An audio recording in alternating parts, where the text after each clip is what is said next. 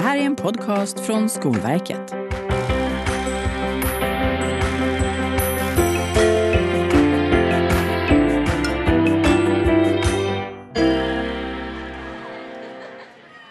Att skolan har haft som uppgift att fostra goda samhällsmedborgare går tillbaka lång, lång tid. För sisådär 150 år sedan så handlade det främst om att skapa kärlek till fosterlandet och den kristna tron. Och det var inte förrän efter andra världskrigets slut som skolans demokratiska funktion kom att framhävas på allvar. Den uttalade rollen blev nu att forma unga demokrater. Det låter ju vackert i teorin, eller hur? Men hur gör man det i praktiken?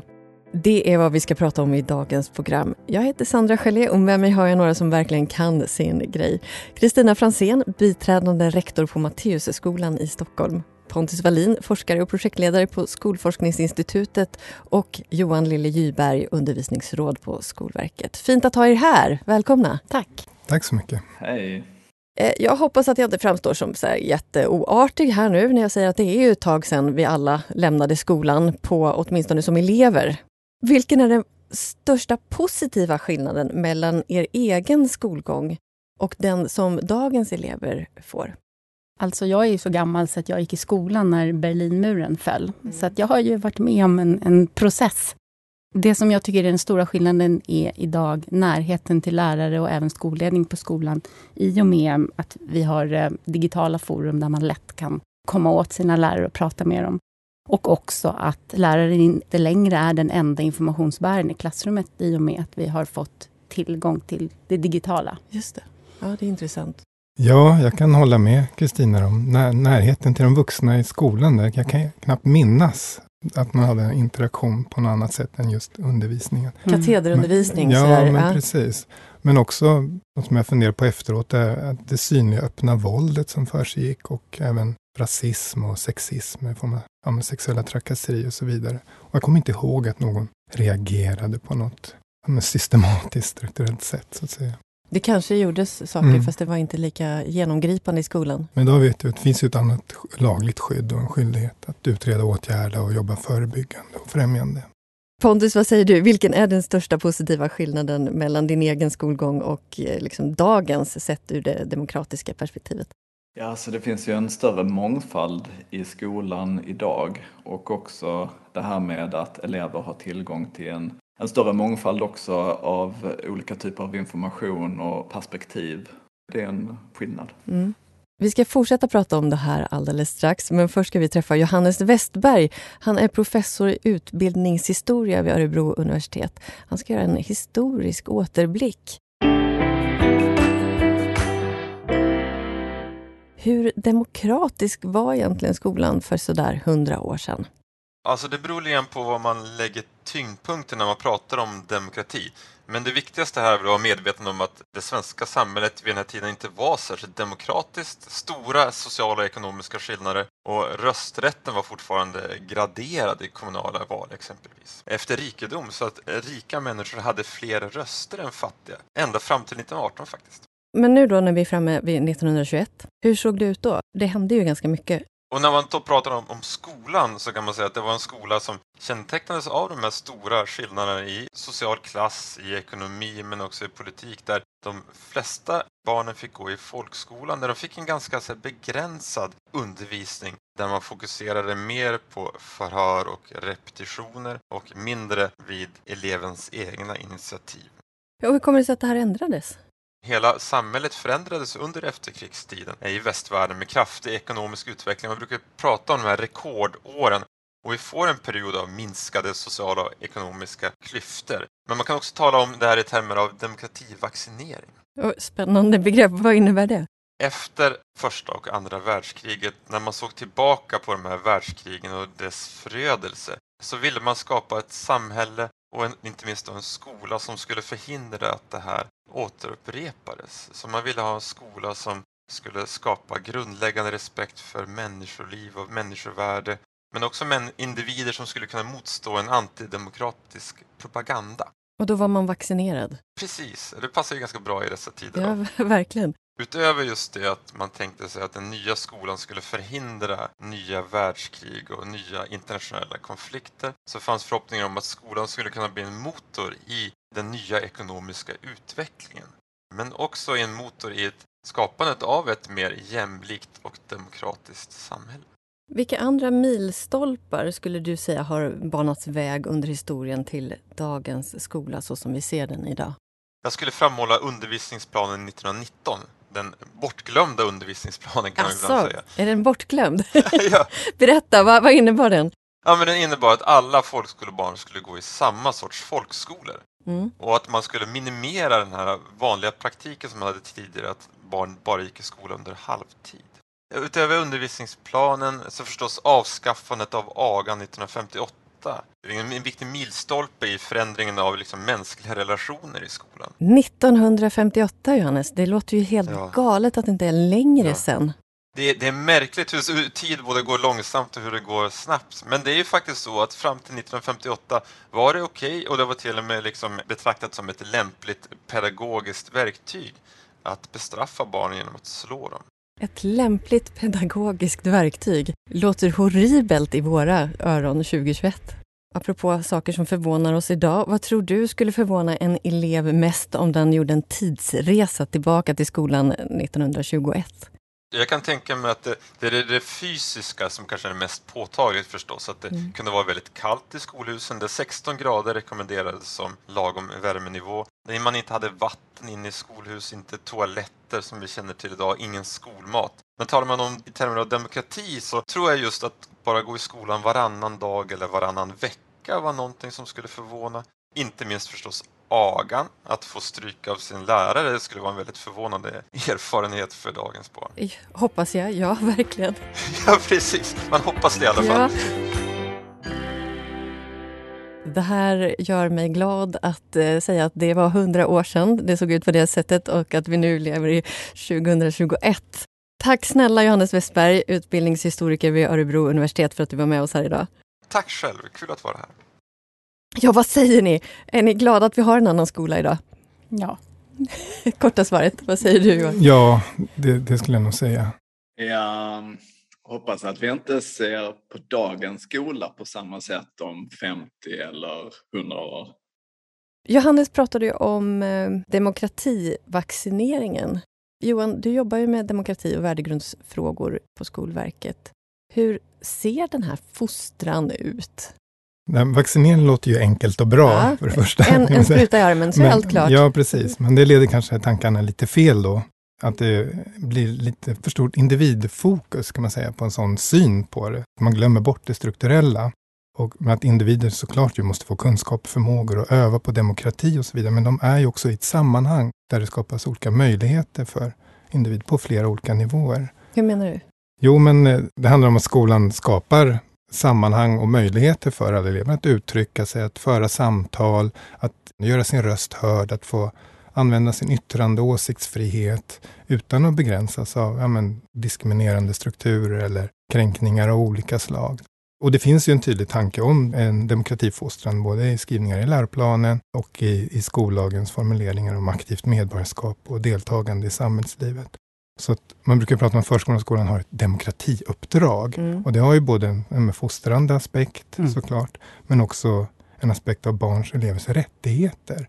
Och just det här med rätt inflytande och delaktighet. Och frihet från diskriminering, att det ska vara tillgängligt hälsofrämjande skolklimat och att barn och elever ska ge stöd och stimulans så att de utvecklas så långt som möjligt i en, en god utbildning, alltså av god kvalitet. Och det här är ju i sig förutsättningar för ett aktivt deltagande i demokratin. så att säga. Jag vill nästan bolla över till dig direkt, eh, Kristina. här. Lyckas man? Är barnen medvetna om vilka rättigheter man ändå har? Jag tycker att de faktiskt är det väldigt mycket. Man börjar väldigt tidigt att prata om att man ska vara snäll mot sina kamrater. Man pratar om tuttagning och lyssna på andra. Att man har rätt att säga vad man tycker. Att man inte ska göra någon annan illa det är ett värdegrundsarbete som börjar redan i förskoleklass för mig som jobbar på en efter nio-skola. Så ja, det tycker jag. Mm. Sen så är det såklart så att, att det inte alltid blir rätt. Om jag vänder mig tillbaka till dig igen Johan. Vad är det som barn och elever måste kunna för att bli goda demokrater? Ja, det handlar ju både om kunskap om demokratins principer och att få utveckla sin förmåga att arbeta i demokratiska former. Och utifrån skollag och läroplaner så kan man ju tänka på det utifrån att man lär om man lär genom och man lär för att. Och det här lära om, det handlar om att få kunskap helt enkelt om olika områden inom demokratin. Mm. Men att det här lära genom handlar om att få verka i demokratiska arbetsformer i verksamheterna. Och det kan ju handla om barns och elevers inflytande och delaktighet och elevers rätt att organisera sig som en viktig del. Men också att om åsikts och yttrandefrihet och öva på samtal, även när frågor blir svåra och kontroversiella. Men också den här friheten från diskriminering, trakasserier och kränkningar. Och det här då för lära för att utveckla demokratiska kompetenser i form av värderingar, att sätta värde på mänskliga rättigheter och demokrati, attityder. Det ställer stora krav på en lärare, tänker jag. Ja, det kan det göra på olika sätt. Särskilt om man tittar på det här med samtal som blir kontroversiella och, ha, och vara rustad för det. Ja, men det är ju en balansgång hela tiden att låta eleverna yttra sig och tycka och tänka och få dem att förstå att de har rätt till det samtidigt som man måste ha respekt för andra klasskamrater, individer, människor som man möter mm. i, det, i den rättigheten man har att uttrycka sig. Det finns rättigheter och så finns det skyldigheter. Det finns rättigheter och skyldigheter. Pontus, vad säger forskningen om skolans demokratifrämjande arbete? Hur gör man det på ett bra sätt? Det är två frågor i en där nästan, men vad säger du? Ja, alltså det är en utmaning att utvärdera hur skolan lyckas med demokratiuppdraget eftersom demokratisk kompetens inte går att mäta på samma sätt som exempelvis ämneskunskaper. För att veta vilken typ av undervisning som fungerar måste vi ha tillgång till bra utfallsmått. Alltså i termer av vad elever egentligen lär sig. Mm. Och det vi vill uppnå med demokratiuppdraget det kommer ju ofta mycket senare i livet kanske. Att elever deltar i demokratin på ett bra sätt. Genom val och sådana saker tänker du? Ja, genom val och fri åsiktsbildning och deltagande i det demokratiska samtalet. Men med detta sagt så finns det forskningssammanställningar i Sverige och internationellt om vad som stärker elevers demokratiska kompetens. Vilka är det då? En viktig aspekt som lyfts i internationell forskning det är att det är av betydelse att värdera och arbeta med mångfald och jämlikhet på skolan. En nyligen publicerad forskningsöversikt som gjordes på uppdrag av Forum för levande historia den visar också att ett öppet klassrumsklimat tycks vara ett värdefullt inslag. För att konkretisera vad detta innebär i undervisningen så har vi på Skolforskningsinstitutet börjat arbeta med en forskningssammanställning om specifika undervisningsmetoder och arbetssätt och vi hoppas att detta ska utgöra ett bra underlag för lärare att arbeta med demokratiuppdraget på vetenskaplig grund. Kristina, det som Pontus pratar om här, hur lätt eller svårt är det här i praktiken? Det är både och. Vi jobbar ju mycket med värdegrunden. Det liksom ligger som, som grund för allt vårt arbete. Vi brukar prata om att goda relationer och positiva förväntningar är förutsättningar för att vi ska kunna ha en bra verksamhet överhuvudtaget på skolan. Och där i ligger ju demokratiuppdraget, för har man inte en, en schysst värdegrund så är det svårt att genomföra det här demokratiuppdraget på ett bra sätt. Och att det verkligen genomsyrar hela skolan då förstås? Ja, absolut. Mm. Det är i alla sammanhang. Och det handlar ju om att eh, eleverna redan när de är små pluttar kommer i förskoleklass, kommer få lära sig turtagning och vänta på sin tur och räcka upp handen och lyssna på klasskamrater och våga säga vad de tycker. Mm. Tills när de blir äldre så, så vill vi ge dem en röst att våga tycka och tänka själv och att man lyssnar på sina klasskamrater i olika forum. Det kan vara i diskussioner i klassrummet eller det kan vara på elevrådet eller klassrådet eller skolrådet tillsammans med, med skolledning. Men också att de ska känna att de kan vara sig själva, att man har eh, rätt till sin tro, rätt till sin eh, sexuella läggning. Allt det där är ju så viktigt och då är ju tryggheten som man skapar på skolan grunden för det. Mm. Och sen bygger vi på demokratiuppdraget hela tiden. Du pratade tidigare om närheten idag mellan elever och lärare på ett sätt som du inte upplevde i, i din skolgång. Hur kan den se ut? Ja, men dels så tror jag att i dagens samhälle så är det mer vanligt att man pratar med vuxna. Att vi vuxna är mer tillgängliga för ungdomar. Men sen är det ju också så att mycket sker också på digitala plattformar idag i skolan. Det är så lätt för eleverna att skriva till mig på en digital plattform mm. om de tycker att någonting skaver. Och så kan jag bemöta det och ibland ses vi på riktigt och ibland räcker det att jag svarar dem i en chatt. För att de känner ju att det finns någon som lyssnar och de får ett svar. Och det skapar ju också en, en delaktighet, en känsla av elevinflytande som, som faktiskt också är reellt.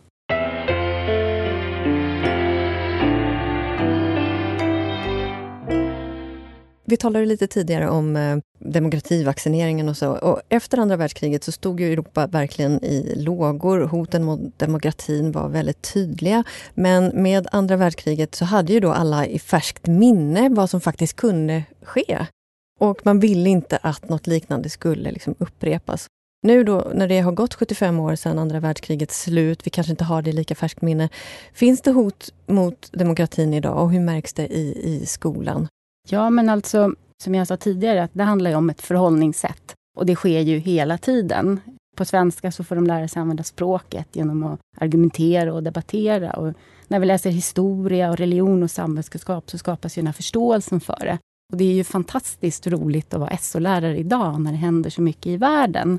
Om vi tänker på att en av världens eh, största ekonomier hade en president som kränkte och baktalade andra människor. Samtidigt som man ska lära eleverna i klassrummet att man ska inte ska kränka andra människor att man ska försöka vara en god person. Det blir ju mm. väldigt intressant samtal. Men också svåra samtal kan jag tänka mig. Absolut, därför att det finns ju de som tycker att Trump var bra. Mm. Och det måste vi kunna bemöta i klassrummet. Men att vi ska ha den diskussionen. Och där tänker jag lärarens roll blir viktig att lära eleverna att diskutera på rätt nivå. För det är det det handlar om, att man får tycka som man vill, men man får inte kränka andra.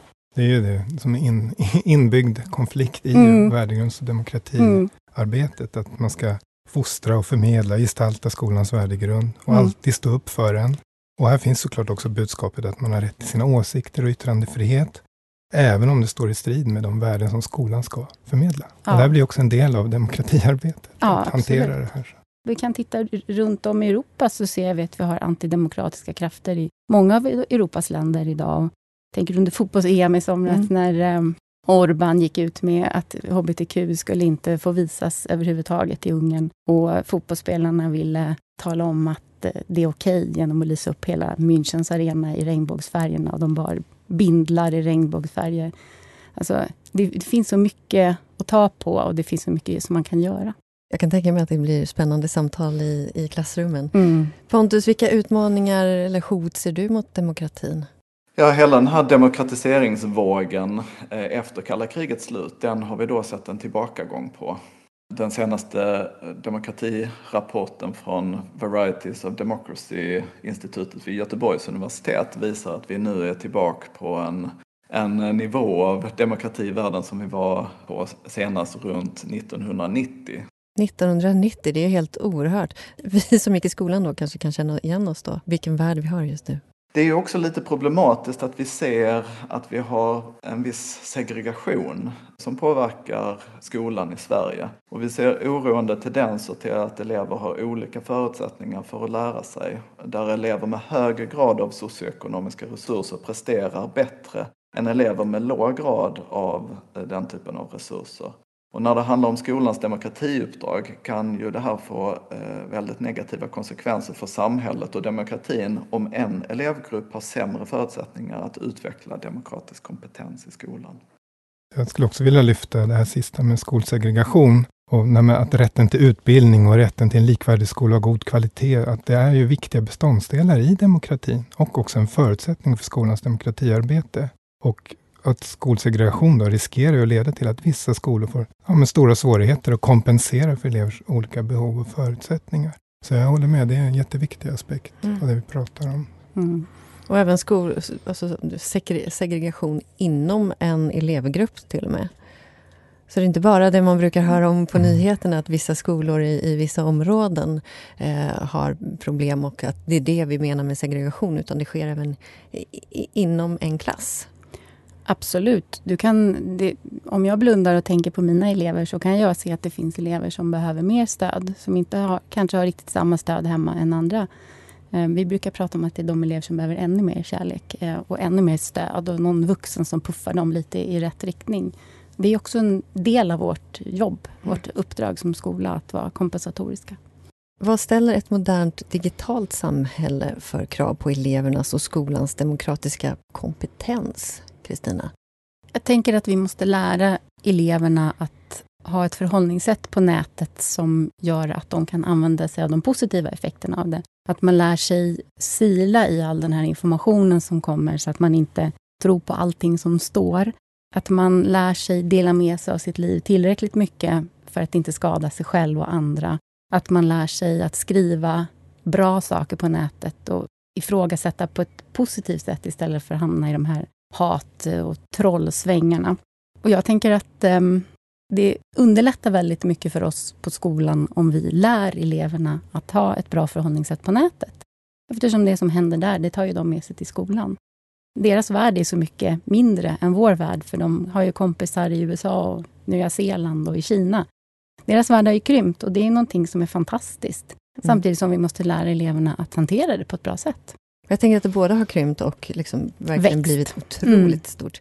Pontus, jag vet att du har jobbat med källkritik tidigare och det är någonting som vi ställer krav på hos barn, att de ska veta och vara källkritiska. Vad säger du om det som Kristina säger? Ja, alltså vi eh, publicerade nyligen en eh, systematisk forskningsöversikt om just kritiskt tänkande och källkritik i samhällskunskap i skolan. Hur elever lär sig det här egentligen, ett källkritiskt förhållningssätt inom samhällskunskap. Och eh, vad vi kunde se där det är att Läraren har en väldigt viktig roll att leda och strukturera arbetet i klassrummet så att elever inte lämnas vind för våg med olika typer av mer eller mindre tillförlitlig information. Och att det inte minst är av betydelse för resurssvaga elever. Att de kanske inte har då bra tillgång till olika information hemifrån, att föräldrarna eh, prenumererar på olika tidningar och så vidare. Så att eh, skolan har ett viktigt kompensatoriskt uppdrag där och att lärare eh, verkligen har en väldigt viktig uppgift att leda det arbetet i klassrummet. Men det är intressant Pontus, för jag har ju ändå en, en upplevelse av att barn idag eftersom de har vuxit upp i en tid när internet är så närvarande i deras liv att de ganska själva kan sålla och vara källkritiska kring den information de får. Nej, det är nog ett kanske lite farligt antagande. Där är det viktigt att vara uppmärksam på vad varje elev egentligen gör. Och eh, jag tror att det är där som det är viktigt för lärare att inte göra sådana antaganden utan att vara noga med eh, de här liksom grundbultarna i kritiskt tänkande och källkritik. Att just undervisa kring eh, vilka stödstrukturer som alla individer behöver för att tillgodogöra sig information på ett rimligt sätt. Vi ska vara glada att jag inte är läraren här då, får vi konstatera, eller hur? jag tänker också, just apropå plattformar, men tänk mm. på just det demokratiska samtalet och hotet mot det demokratiska samtalet i en digital tid. Så med, med att, att det kan handla om ja, men dels desinformation och konspirationsteorier, att det är svårt att sålla och allt det, men också hat och hot på nätet. Just på olika plattformar där olika normer råder och olika saker händer. Och just det här viktiga med att ja, men samma regler som är i, ja, men i verkligheten, om det går att säga så, verkligheten är ju både digitala och IRL. Men det som gäller här gäller också på nätet så att säga. Så att här är det jätteviktigt att stötta barn och elever och, och skaffa sig själv kunskap mm. om hur, hur det fungerar. Men det är också det här med det digitala och internet, att det är också, när man pratar om demokrati så är det en fantastisk möjlighet, som ni varit inne på här, nu med kunskap, information som annars kanske har varit svårt att få eller omöjligt att få för vissa. Men också att digitala verktyg också kan tillgängliggöra olika former av ja, men samarbete eller samverkan mellan människor man annars inte skulle träffa och så vidare. Så det är en fantastisk möjlighet. Men man måste också jobba mot de här riskerna för hotet mot det demokratiska samtalet. Jag tycker det är bra att vi också lyfter upp de här positiva sakerna. Verkligen, för det är lätt att vi ser hoten bara. Vi blir ju aldrig fullärda. Vi fortsätter ju att lära oss och det är en pågående mm. process hela livet. Och jag har ju lärt mig saker idag, att jag mm. inte ska tro att barnen bara har med sig någon slags eh, medfödd källkritik, eh, bara för att de råkar ha liksom levt under internets eh, hela era. Om vi siar om framtiden, vad tror ni kommer vara det viktigaste för kommande elever att lära sig om demokrati? Vad säger du, Kristina? Jag tror att det kommer fortsätta vara viktigt att lära sig att respektera andra människor. Att våga och kunna uttrycka sig och vad man tänker och tycker och tror. Samtidigt lära sig att inte kränka och vara elak mot andra människor. Att vara en god person, det tror jag är någonting som vi måste jobba med hela livet. Och jag tror att genom att ha det förhållningssättet gentemot sig själv och de man är nära, så tror jag också att då lär man sig att min röst är viktig. Och då blir den också viktig i det som vi pratar om, som är en demokrati. Att allas röst är viktig och alla är värda att lyssna på. Och alla ska få tänka och tycka som de vill. Det tror jag vi kommer fortsätta jobba med. Mm. Pontus, jag vet att du är forskare och vi tittar tillbaka på forskning om olika saker. Men vågar du säga om framtiden? Vad är det viktigaste för kommande elever att lära sig om demokrati? Nej, tyvärr vågar jag nog inte det. Forskningen är ju inte så bra på att säga om framtiden och mm. göra prediktion. Så att eh, vi vet nog inte så mycket om hur demokratin kommer att utvecklas och vilka utmaningar vi kommer att ha i, i framtiden. Utan det är väl viktigt att eh, helt enkelt fortsätta vara uppmärksam och eh, bedriva eh, empirisk forskning när, det väl, när, när den tiden kommer. Demokrati är någonting som vi gör hela tiden. Det är ingenting som vi bara kan luta oss tillbaka och säga nu kommer det sköta sig själv. Precis, jag tror att det man måste ha klart för sig att demokratin inte bara finns där. Det är något vi måste skapa varje dag och den kan falla på ett ögonblick om vi tar den för given. så att säga.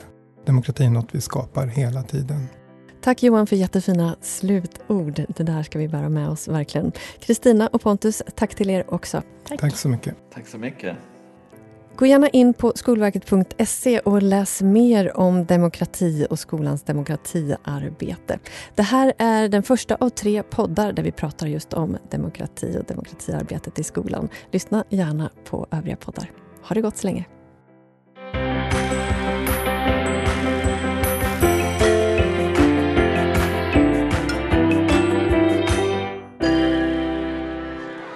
Det här var en podcast från Skolverket.